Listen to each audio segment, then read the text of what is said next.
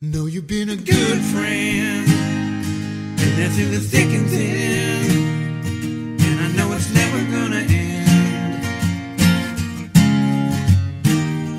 Cause you've been a good friend. Hi guys, back again with our educative and lifestyle podcast edisi di rumah aja bareng Little Ice Queen. In this podcast, we'll talk about a lot of things from career, family, lifestyle, and other interesting stuff, helping ourselves to broaden our perspective, gain new insight, and of course, challenging our minds and challenging ourselves to make a change. Because in this podcast, every word counts. Nah, buat teman-teman yang ketinggalan di topik-topik sebelumnya, bisa dicek di platform podcast seperti di Spotify, Google Podcast, Apple Podcast, dan juga lainnya. Jangan lupa ya untuk follow kita di Instagram untuk info-info terbaru dan produk-produk terbaru. Nah, hari ini kita akan ngobrol tentang seberapa pentingnya self-awareness untuk perkembangan kehidupan kita personally maupun professionally. Nah, kali ini we are privileged to be able to invite one of the team from Talent Plus Incorporation to share with us around this topic. This was our conversation and hope this helped whoever are looking for solutions or answers in life. Thank you guys, enjoy.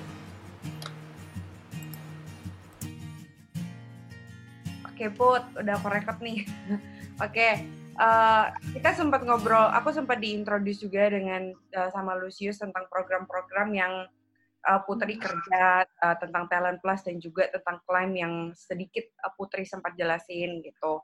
Nah sebelum kita ngobrol-ngobrol di awal, boleh nggak introduction dulu? Kira-kira uh, Putri uh, nama kerja di mana, posisinya? Oke, Gitu. Oke, eh, nama aku Putri Pamela.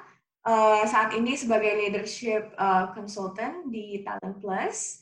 Eh, dan Talent Plus ini headquarternya di Lincoln, Nebraska, Amerika Serikat. Eh, untuk Asia Pasifik sendiri, em, kami office-nya ada di Singapura. Eh, saya sendiri base-nya adalah untuk menghandle market di Indonesia.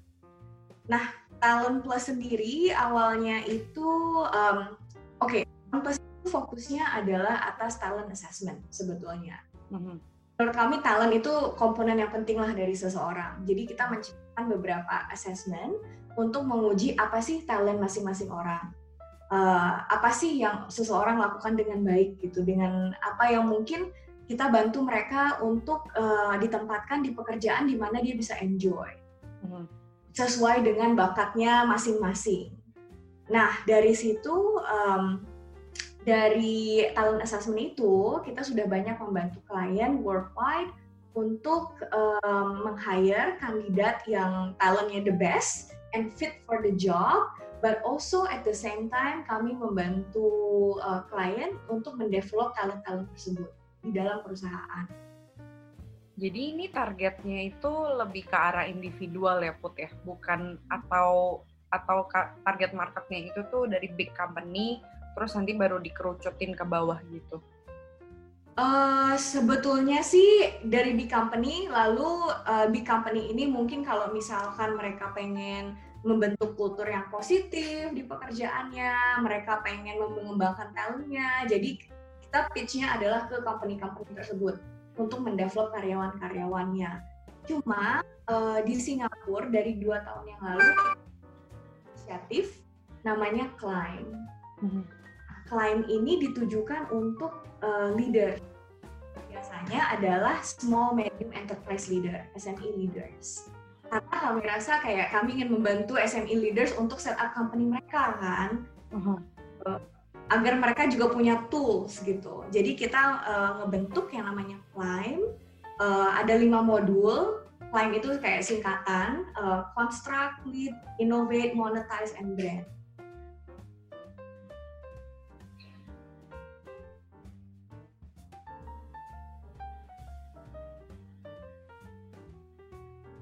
Halo.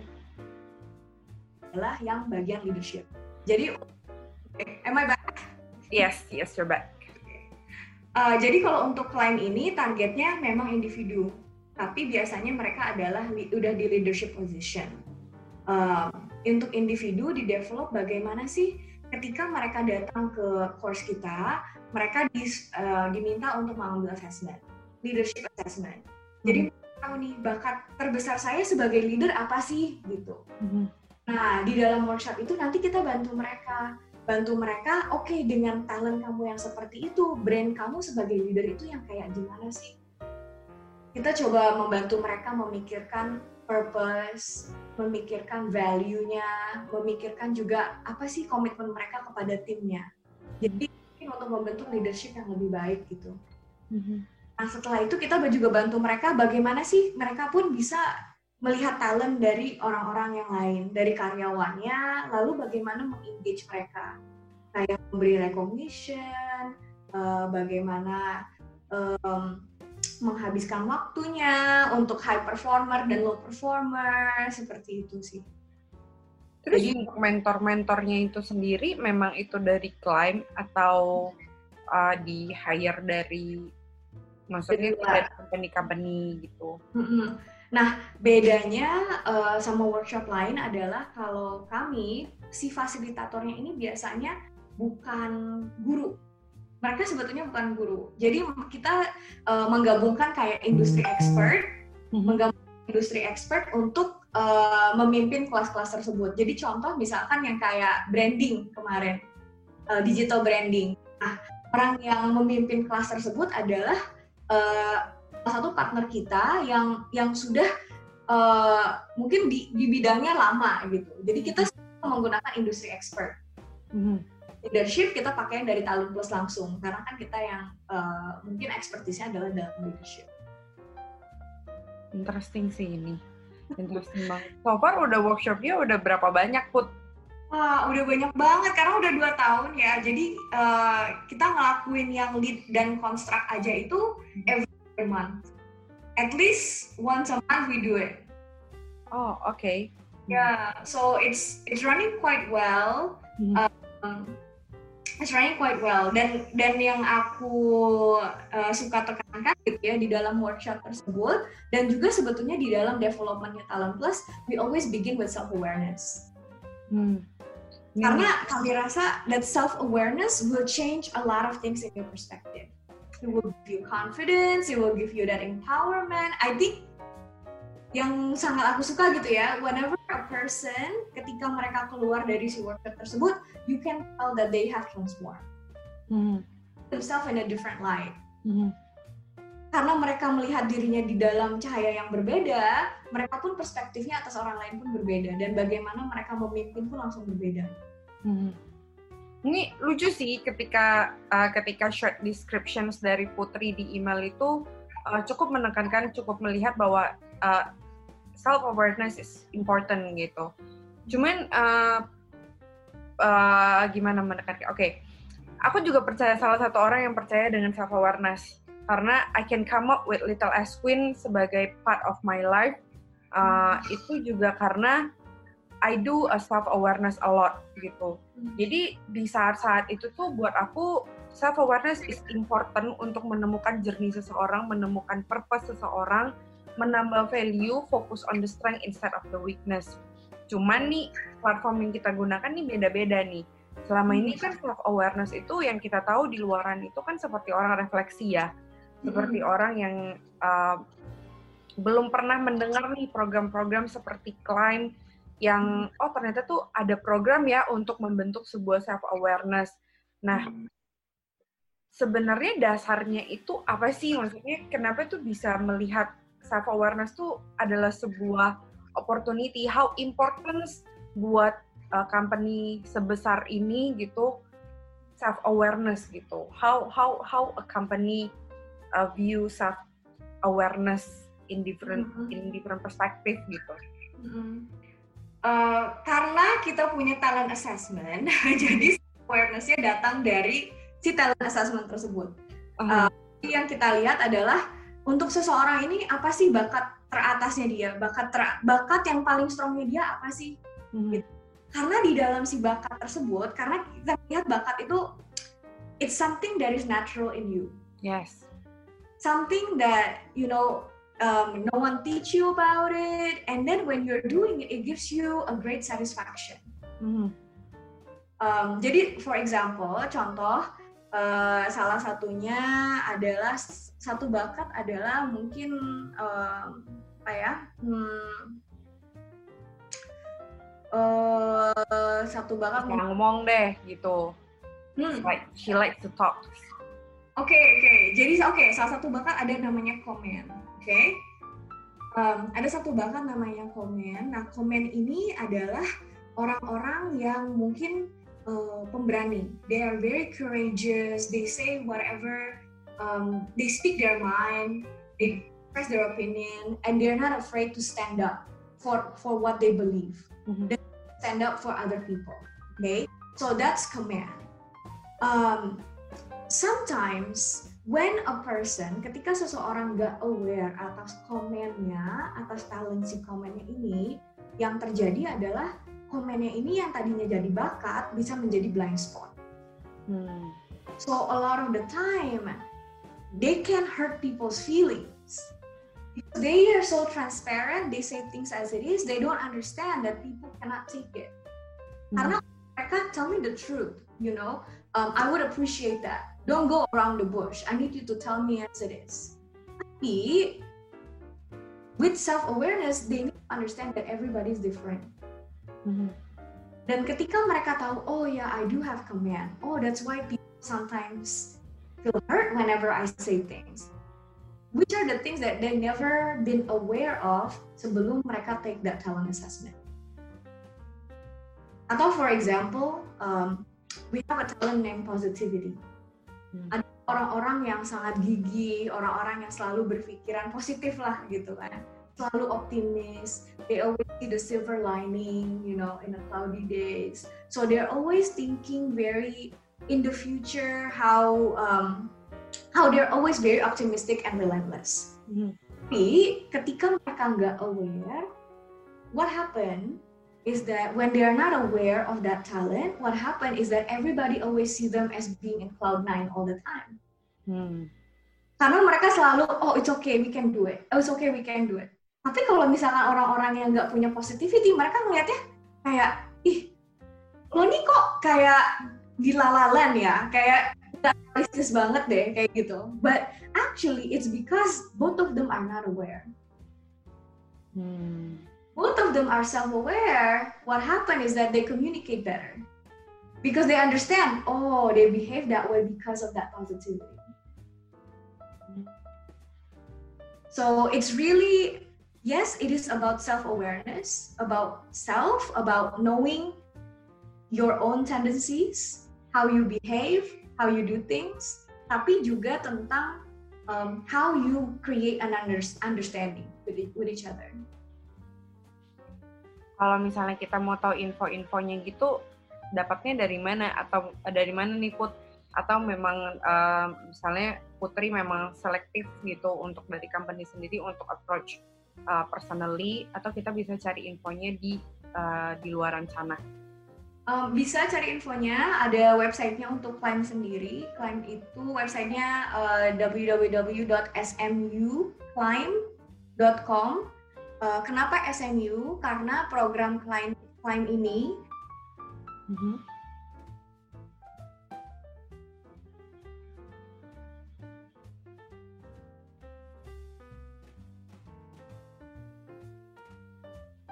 sih sama Singapore Management University. Aku merasa bahwa you know self awareness is very important, understanding each other very important. Um, jadi untuk programnya sendiri uh, kami mendapatkan funding malahan dari Skills Future sampai 90%. Hmm. Uh, jadi setiap partisipan yang datang, um, misalkan mereka Singaporean dan juga punya mungkin bekerja di small medium enterprise, they only pay 10%. Wow. Yeah, so it's a very good deal, and then we really like it because, you know, I feel that people after they come to climb, they change. Um, itu programnya berapa lama put? Uh, jadi satu course itu biasanya kita tag ya. Jadi kalau construct and lead itu dua hari. Hmm. Jadi digital branding and um, branding and innovate jadi dua hari. Jadi dua hari okay. interesting um, ada satu uh, jadi ada satu partisipan kita Mhm. Setelah dia datang ke klien uh, yang terjadi adalah dia malahan mikir I think I'm in the wrong job. And he's already a leader. He's a COO at a company. And he said I think I'm in the wrong job. Mhm. and and at that time he's, he thinks like that's why I feel so unhappy. Um, jadi setelah datang dari kelas kita dia malah memikirkan how if I were to stay what things would I change in my company? Or if I would stay I want to find something that I really enjoy and I love. And now I understand why I was so unhappy. Karena talent itu berpengaruh juga atas mental kita kan kayak kesehatan mental kita. Di mana kita nggak bisa menggunakan talent kita secara natural itu dan kita harus terus suppress we feel very depressed. Ya. ya. Because benefitnya ternyata banyak banget ya, ya untuk uh, terutama di bagian mental well-being gitu di saat um, apa ya di saat di Singapura itu sangat-sangat hektik gitu. Uh, aku Hmm. juga pernah kerja. Jadi background aku adalah aku kuliah di sini, Hmm. kemudian aku sempat kerja tiga setengah tahun di industri uh, printing dan memang Hmm. di sana itu ngerasa kerjanya di Singapura itu sangat-sangat cepet ya, tek tek tek Iya. gitu. Dan ternyata tuh uh, dan kebetulan aku juga punya depresi gitu, stres dan depresi yang juga part of it adalah karena kerjaan baru and I feel like I have to impress my boss gitu. So Hmm. at that time uh, aku akhirnya ke psychiatrist dan di sana ternyata tuh banyak banget yang ngantri dan bahkan untuk bikin jadwal untuk kontrol mental health itu tuh sangat susah. Dan surprisingly ternyata itu yang pergi ke psychiatrist itu adalah orang-orang yang kalau di Singapura tuh kerjanya tuh di daerah CBD gitu. Di Hmm. mereka berpakaian sangat bagus, berpakaian sangat rapi dan dan it surprised me gitu loh dan itu yang membuat aku akhirnya uh, dan harga psychiatrist juga mahal gitu ya maksudnya harga harga sekali itu dibandingin untuk masuk program klien kayaknya gue akan mencoba masuk program klien kali ya gitu karena harganya sangat mahal gitu so that's why I come up with Little Ice Queen juga gitu karena ingin mempromosikan saat itu apalagi di Indonesia ternyata tuh mental health itu tuh masih sangat tabu gitu Iya, benar sekali. sangat tabu dan orang melihat itu jadi sebelah mata. That's why gua mempromosikan yang melalui journaling gitu dan mempromosikan productivity dan juga self awareness tanpa Hmm. mengetahui ternyata tuh ada program semacam Climb yang juga mempromot the same thing but in different way gitu. Ya, in professional. menurut aku sih ada salah satu komponen kenapa sih orang-orang yang biasanya datang ke Climb bukan hanya mereka tuh cinta sama si self awareness-nya, tools-nya dan juga apa yang mereka pelajari. Tapi ada satu komponen dari Climb yang menurut aku tuh juga sangat valuable for people and mental people's mental health, which is the community. Setiap orang yang sudah join Climb, they become a Climb alumni. We call it they're the alumni of Climb. Uh,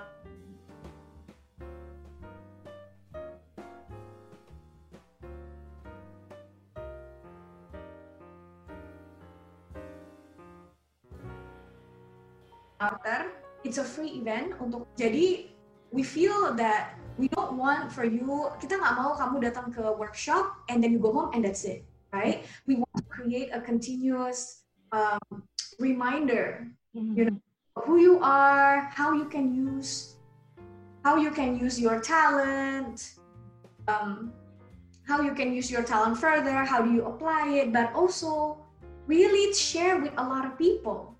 Mhm. karena menurut aku kayak uh, the sharing, the social relationship, you know, of people that gone through the same thing is really the one that mental health wise.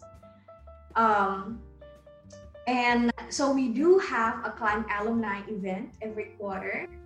Um, it's for free, and then we usually have it at a restaurant. We have it, you know, at a hotel, and then we give like free food. It's like networking kalau misalkan seseorang udah selesai semua modul lima limanya mereka juga graduate they get like a kayak piagam gitu we have a graduation ceremony for them in the event um, and also we have a climb community Jadi orang-orang yang secara volunteer, mereka tuh tadinya adalah partisipan di workshop, so they get together, um, and then they think like, hey, we're gonna create uh, a committee.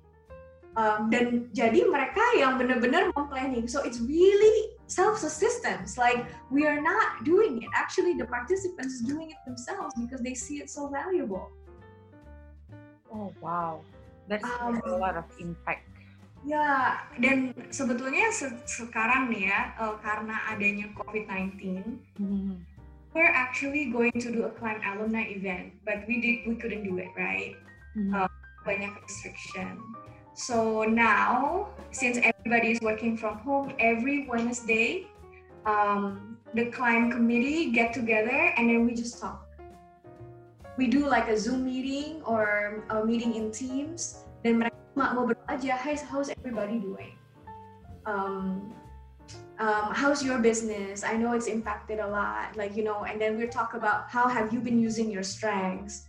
How does your strengths help you in terms of this crisis? So we just talk, and then it makes people feel good, you know. Especially they feel so isolated.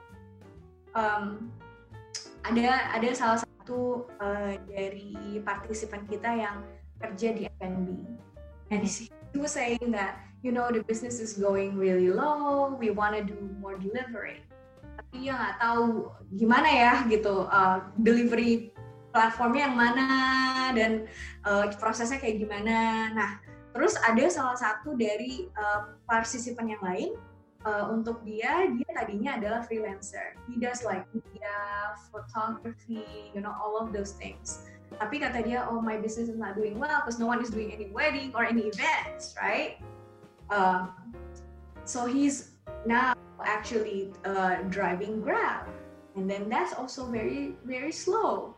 And and then the the other participant from FNB say, "Can you deliver our food?" You know, so then it's kind of create a partnership. So in a way, they're helping each other. I'm inspired actually. Yeah, I, I'm really I I I I'm really passionate about it. Like, and you. Yeah. How long have you been working there? with untuk Plus sendiri, I've been working uh, almost three years, but Climb has been going on since two years. So I co-facilitate, but also I design the curriculum. But um, the creator is my director, which is Dion, the one that Lucius met too. Oh wow, sebelumnya tuh kamu kerja di Singapura juga, Put? Uh, enggak, sebetulnya enggak.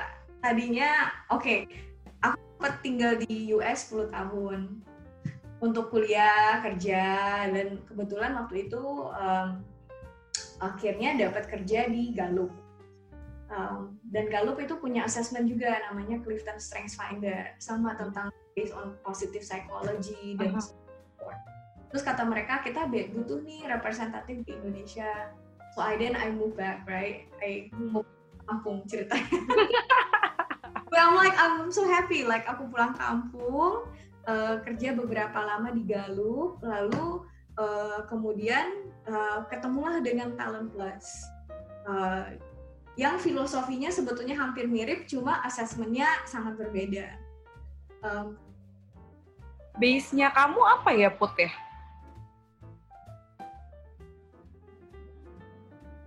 Kalau boleh tahu. oh, be- halo? Halo? Yes. Coba. uh, base-nya aku antropologi. Jauh banget ya. Jauh banget antropologi dengan self awareness gitu. Iya, banyak yang pikir kayak aku base-nya psychology or something, no. Iya. oh, Tapi, iya. terus kenapa interested banget untuk kerja di bidang ini, Put? Oke, ke- untuk antropologi awalnya juga memang I'm very interested with culture and people, right? All about humanity, I was always very interested.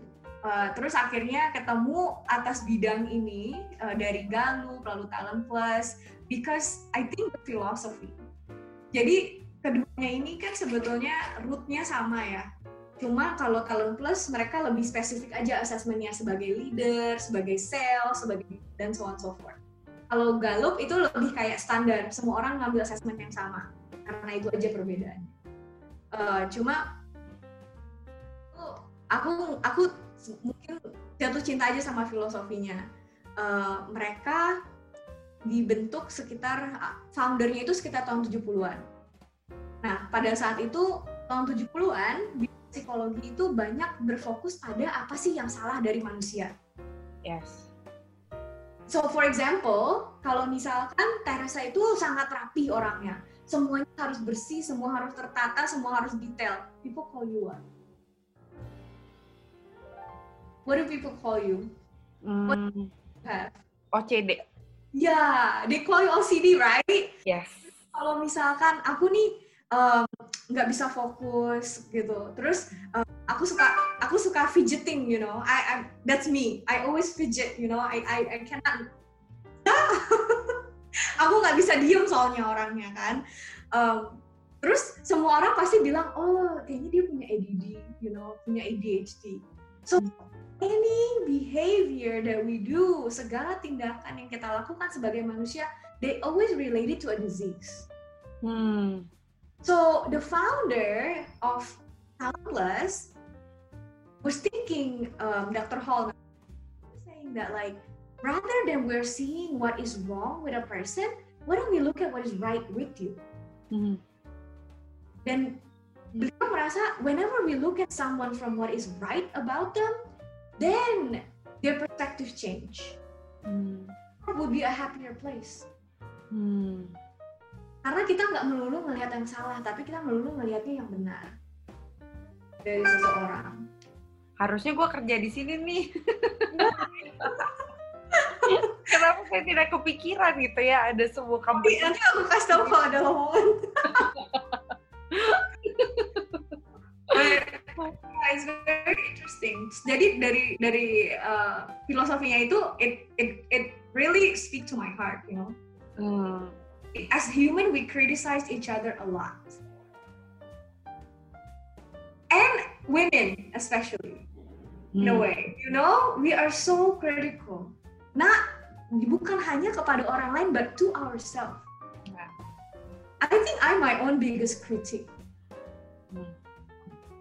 personally kalau untuk diri aku sendiri you know I have had depression before too I have a lot of self esteem issues Hmm. I always do sometimes I feel I'm a people pleaser because I want people to accept me because I feel that I'm so bad Hmm. that was the mindset that I have always had dan juga I was brought up in a family dengan ibu yang selalu mungkin um, you need to do this, you need to do that, don't do that, don't do that, don't do that. Just like a lot of Asian parents, right? You need to be more like this, you need to be. Um, and pada saat itu, you know, I, I I've always been very hard worker and stuff like that, but I always feel that I'm never enough. Nggak and then I saw, you know, I, I took a talent assessment and then I saw my talent and I feel like, hey, I'm proud of myself. I'm, I, I can do it, you know? So my self-esteem issue, I, I, I was thinking to myself, I wish I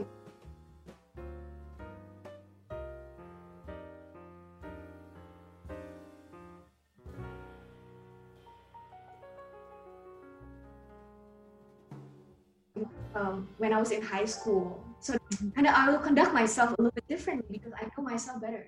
Like I would love myself more. Hmm. Wow.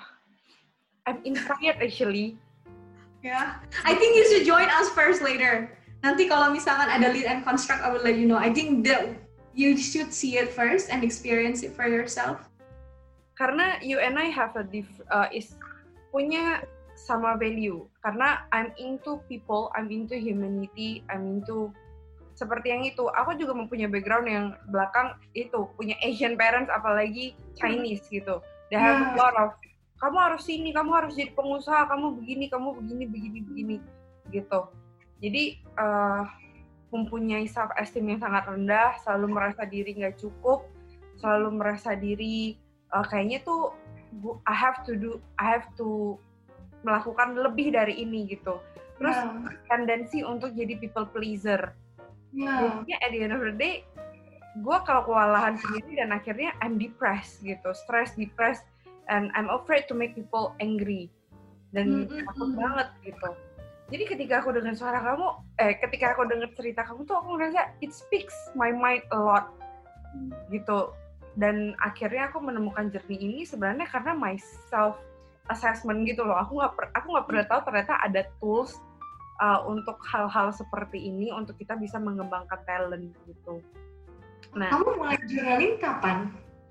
aku itu dulu memang pada dasarnya tuh suka jurnal pada dasarnya tuh aku suka jurnal dari SMP Hmm. Uh, terus semenjak ter- uh, suka nulis lah intinya gitu. Nah semenjak karena aku merasa uh, mental health itu adalah sebuah yang tabu, akhirnya aku belum mencari cara gimana nih untuk kita mempromosikan mental health. Actually uh, purpose-nya adalah untuk mempromosikan mental health gitu. Karena untuk ke psychiatrist nggak semua orang mampu, nggak semua orang uh, punya punya kemampuan financial untuk pergi ke psychiatrist selain tabu itu. So aku mencari cara lain yaitu dengan journaling gitu. Oh ternyata tuh selama ini jurnal itu sangat dekat gitu dan aku mempelajari oh ternyata benefit-benefit menulis, benefit-benefit journaling itself itu tuh banyak. Nah kebetulan memang uh, buku-buku yang aku desain uh, layout dan juga secara konten itu barusan di approve dengan psychiatrist dan ternyata banyak ada satu buku yang namanya You Matter itu uh, itu mengambil teknik dumb space di mana mempromosikan sebenarnya cocok untuk para entrepreneur. Jadi uh, di mana they have to uh, mereka bisa taruh apa aja gitu. Karena nggak semua orang itu apa ya uh, ada orang yang kayaknya bisa oh ya gue tuh perfeksionis banget tuh gitu. Kayaknya tuh ada di kepala gue bisa langsung gue kerjain gini-gini. Tapi ada beberapa orang yang terlalu banyak di otak akhirnya mereka depressed and they cannot do anything dan buku ini dan teknik ini sebenarnya aku mempromosikannya itu gitu. So you just dump all of your thoughts dump all of your minds gitu apa pun ide kapan pun tulis di sana gitu.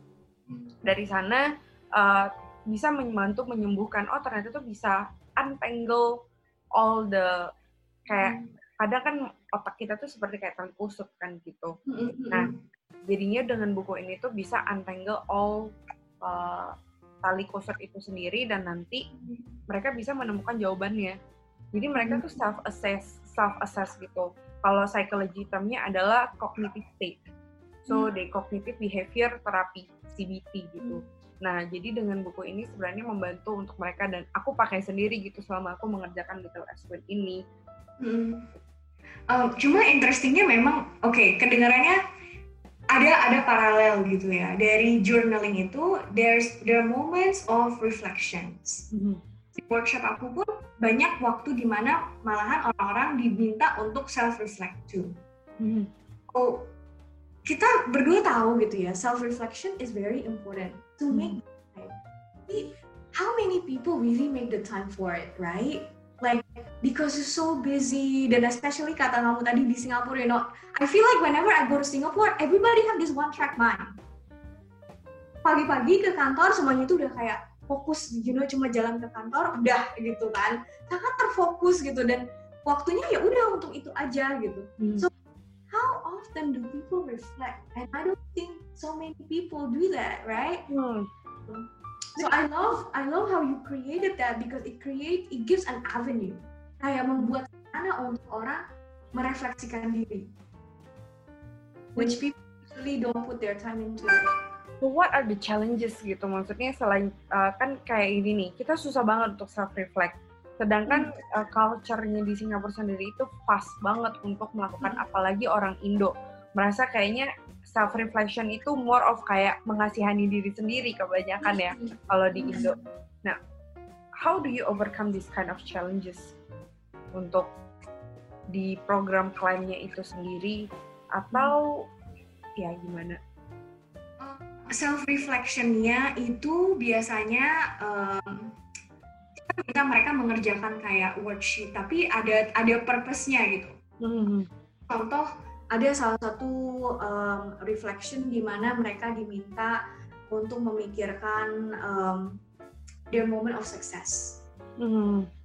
it's kalau menurut aku di Asia jarang sekali orang itu ditanya what was your moment of success. People always ask what was your struggle. Hmm. People so easy to write down what's your struggle than what's your success. Hmm. Kali kita we dismiss our own success. Um, jadi ada segmen di mana kita minta mereka untuk menjawab itu aja. What was your moment of success?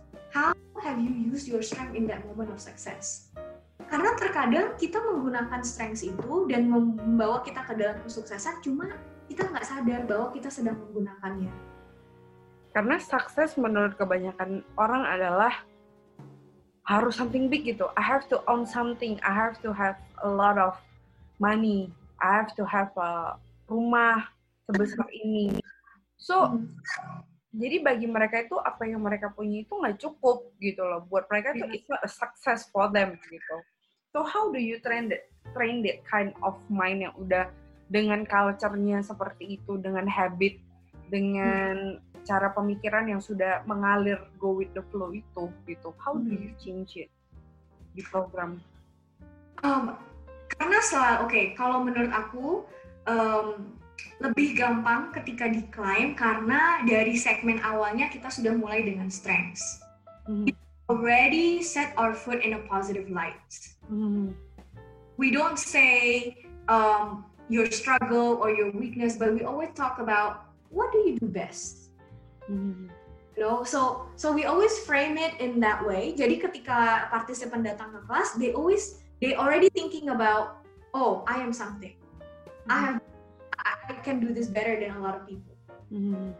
Um, this is my moment of success. But still, sometimes it takes people a while to think about it. Hmm. Of success. Karena lagi, you're right. People always thinking about something big. You know, something. Wow, I'm becoming somebody. You know, that's my success. But it's not necessarily. Kadang beberapa orang they say, you know, my my greatest success is um, uh, to raise my son. That's it. As simple as that. To raise my son, and he is a loving child, and he is a good a good person. That's it. Hmm. And that's a success. Sometimes we dismiss that, but it's actually quite important. Like we don't recognize ourselves enough. Hmm. Dan menurut aku lucunya sih kalau di Asia kita selalu ditekankan you have to be humble. But you know like you you have to be humble with your accomplishment. For me, it's not that we are bragging about your accomplishment, but you have to love yourself.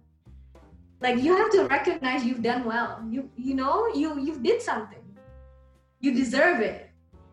It's not about humble or not humble. Kayaknya I have to apply ya di company itu. So Because it speaks a lot gitu kayak everyday kayak gue setiap hari struggling untuk untuk Iya. mempercayakan iya apalagi terutama tentang humble itu gitu kayak aduh kayaknya itu speak my mind banget gitu. So oh my goodness kayak kenapa saya tidak menemukan ini? Gitu. Ya. Um, it, it kalau untuk aku sendiri karena aku kerja di dalamnya gitu ya for me it changed the way I see I it changed the way I build my personal relationships too. Hmm. really I think Hmm. um, karena karena aku adalah orang yang sangat keras pada diri sendiri gitu kan um, with knowing knowing about strengths you know being self-aware kind of increase my tolerance for people it's kind of like I aku rasanya I accept people for who they are more Hmm. Yeah. Um, and saat ini aku I have a I have a I have a stepson. Dia umurnya um, tahun dan I feel that I it, it changed the way I see. I think as a parent, I as I know I'm not her bio his biological parent. As a parent, I think I'm also a parent to him, right? a parent, I feel like I see him in a different way. I, I'm more seeing, oh, he really likes music. You know, oh, he has a tune for rhythm.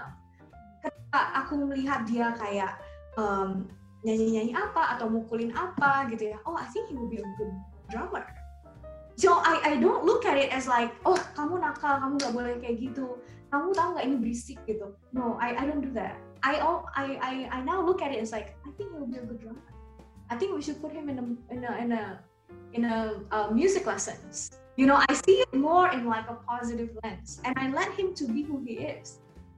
And and that's why he feels happy I think. Okay. and I wish my parents did that but I feel like it's okay for whatever my parents did. That was what they know but at least I I learned better you know? Terus uh, interesting nih, uh, ketika aku juga mendengar dan mencoba untuk mengerti gitu. Sebenarnya ini mirip nggak sih dengan psikologi positif? Positif psikologi ya yang sekarang lagi booming itu. Uh, Atau berbeda? Karena tuh mirip-mirip gitu kan tentang kayak Yeah. they focus on the strength, pos- positive Yeah. psychology is focus on the strength. It is the positive psychology but in different angle, or it is memang uh, positive psychology oh, dari kita itu uh, Dr. Hall, William E. Hall. He was the creator of that positive psychology. Jadi dia itu sebetulnya pencetus dari positive psychology tersebut. so that's why, yeah, that's why it's, it's always framed that way. Oh, oh, Yeah. it is positive psychology. Yeah, it is positive psychology. Good. Ya, makanya kayaknya familiar deh cara-cara cara-cara um, mempros bukan mempromosikan tetapi the way the way you guys think. Yeah. Yeah. right? Oh, oke. It Terus is sekarang udah masuk ke Indonesia, how's the Indonesian market? Uh, the Indonesia market is just, um, I think it's thriving. A lot of people are very interested. Karena aku um, orang Indonesia itu banyak yang learner. Mereka pengen belajar, mereka pengen tahu apalagi tentang sesuatu yang baru. Um, they're very, they're very happy about it. They're very interested about it. Um, they're very interested. It's just they're moving quite um, slower than Singapore. That's all. Tapi dalam segi curiosity and interest is very very strong. Um, dan aku bisa katakan dalam segi talent pun, aku merasa Indonesia have much more talent, even compared to Singapore. Karena aku udah ngelihat banyak assessment kan, um, dari skor-skornya gitu, kebanyakan I, I believe in Indonesian people, especially the young ones, um, such as yourself, you know, talented nation. Karena waktu aku ngadain workshop, we have a workshop as well. Uh, one a productivity workshop and another is a bullet journal workshops.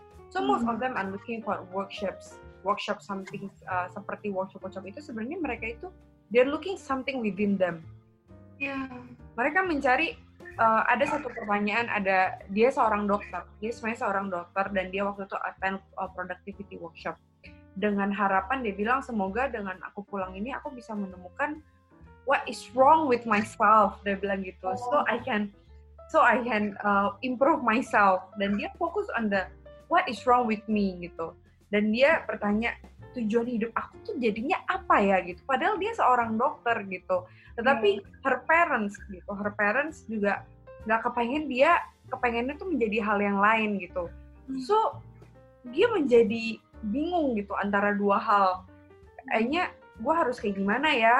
Dan dia berharap dengan workshop itu dan dan di saat itu sebenarnya moment of truth di saat itu adalah gue jadi bertanya what can I do else gitu loh. Karena ternyata tuh demandnya itu tuh tinggi sekali untuk mereka mencari what is the purpose of life. Yeah. apa yang bisa gue lakukan untuk membuat diri gue tuh berharga? Mm, mm. karena mereka itu susah banget untuk percaya bahwa oh gue itu punya talent loh gitu. Oh gue tuh punya uh, gue tuh punya something. Karena Little Queen itu percaya salah satunya adalah everybody has a story dan Hmm. punya story ketika setiap orang punya story itu they can do whatever they want. Mm. dan itu yang aku selalu percaya. Dan when it comes to ketika dia sharing itu ke aku aku bilang this is kalau cuma satu workshop itu nggak akan pernah nggak nggak akan bisa gitu. Nggak akan Iya. bisa capek apalagi cuma satu jam workshop satu setengah jam workshop. Itu cuman basicnya aja nggak nyampe gitu. Jadi dari sana aku berpikir gitu sebenarnya what else can I do gitu loh dengan platform yang sudah ter, sudah ada ini gitu. Hmm. Karena orang-orang di luar sana mencari dan hmm. membutuhkan gitu. Apa kemarin juga aku share pengalaman juga. Aku hmm. uh, diajak kerjasama dengan salah satu uh, company di Surabaya juga besar. Dan dengan adanya COVID ini, dia bilang semua kerjanya dia itu berubah dan dia sangat interested bagaimana merasa diri dia itu tuh lebih berharga gitu padahal dia udah seorang seorang manajer gitu. Tapi dia mencari sebuah gimana ya gara-gara covid ini itu dia merasa mental health dia terganggu productivity-nya dia terganggu dan jadinya dia mulai bertanya gitu. I'm wondering juga oh wondering oke okay, gitu selama ini I don't have any um, istilahnya itu professional knowledge gitu. Selama ini yang aku kerjakan adalah berdasarkan pengalaman pribadi yang aku nggak punya tools-tools itu.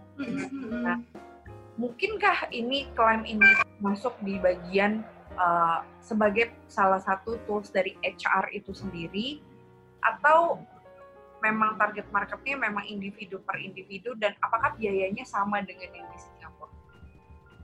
Um, Hmm, biasanya sih memang advokat kita adalah dari HR. Hmm. Biasanya, um, biasanya mungkin dari satu company mereka mengirimkan beberapa orang. Tapi kalau misalkan orang pun datang secara individu juga boleh gitu. Jadi untuk fee-nya sendiri akan sama sih. Kita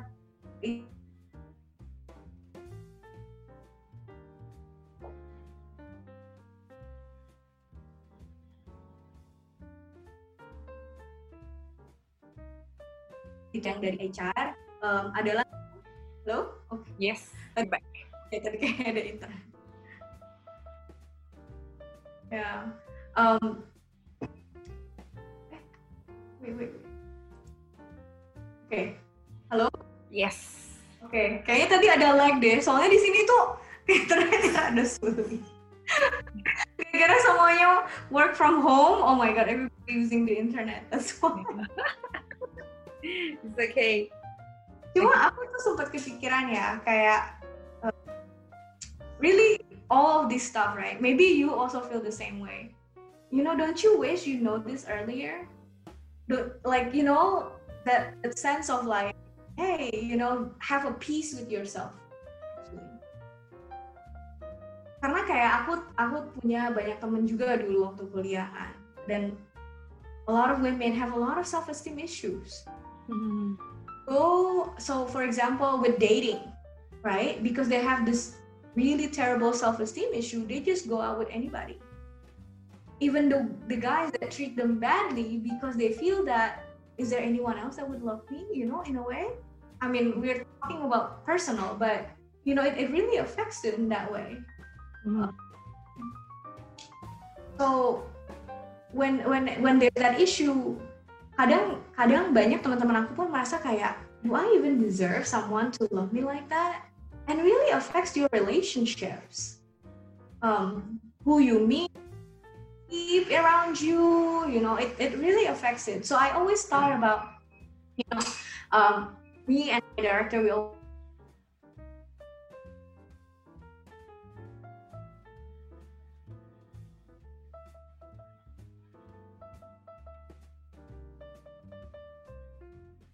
for teenagers or colleges and school because we feel that it's also important. Um, and that was one of the things that we discussed with Lucius too. Um, you know, how do we create a platform like that to help maybe not only leadership, but sometimes we feel that it's too late too, you know. Banyak kalau misalkan orang-orang ini masih remaja dan mereka bisa tahu maybe all the decision that they take with you know apa sih jurusan saya mau kuliah di mana teman-teman saya yang seperti apa gitu kan partner saya yang seperti apa I think it will change will help them Oke oke oke. So next time kalau ada yang nanya uh, untuk mereka membutuhkan lebih, kayaknya apalagi di bidang profesional, I will refer to you. Ya, yeah, thank you. So, nah, karena aku sendiri juga sebenarnya interested gitu dengan hal ini. Kayak it speaks a lot about what I've been through, about my experience, and the way that I promote Little Aspen as well. Itu tuh seperti mendukung bahwa setiap orang itu tuh bisa setiap orang itu tuh mampu gitu loh. Hanya mereka harus menemukan strength-nya mereka, kuatnya di mana, fokus di sana. And ya, yeah, thank you for thank you for sharing, thank you for inspired me. But thank you for all you do with the journey. I think that's amazing. I think you you're very brave. You're very brave to start something like that. Um, Yeah, sure it's a struggle in the beginning. I yeah, don't I don't think a lot of people got it. Right? ya lo, ya, ya. That's why makanya aku amazed when you when you share just now. Aku ngerasa baru kali ini menemukan orang yang in the same frekuensi gitu di tengah-tengah hal yang sangat cepat dan hal yang aduh di dunia ini kan banyak cepat banget sekarang bekerja Yeah. A B C D E gitu. Ya oke. Kalau ada workshop atau apa boleh dong info dong. Gitu. Oke oke. Pasti pasti. Kita lagi ngedesain yang lead and construct buat virtual sih karena covid ini kan. Yes. Kita gimana biar ngelakuinnya juga virtual. So I will let you know when we gonna have it. ya I really thank you so much Putri Thank you. thank you you are so inspirational your story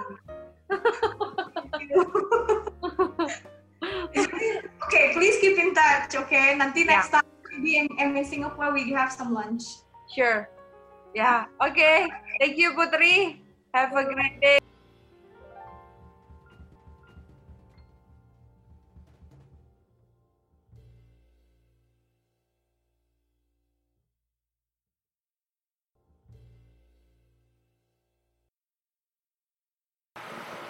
Oke teman-teman, terima kasih udah mendengarkan podcast dan podcast kita hari ini. Semoga topik tentang self awareness ini menginspirasi kita untuk menjadikan kita menjadi lebih baik. Dan ternyata self awareness itu nggak cuma penting untuk kehidupan kita secara personal tetapi juga profesional. Jangan lupa untuk subscribe and share this podcast and follow us in our social media page, Facebook, Twitter, dan Instagram at Little S Queen or you can say hi to me personally at Teresa Churchill or my partner at eugene.el. Remember to always give your best in every day, everything, and be kind to one another. Always. I love you all. God bless you.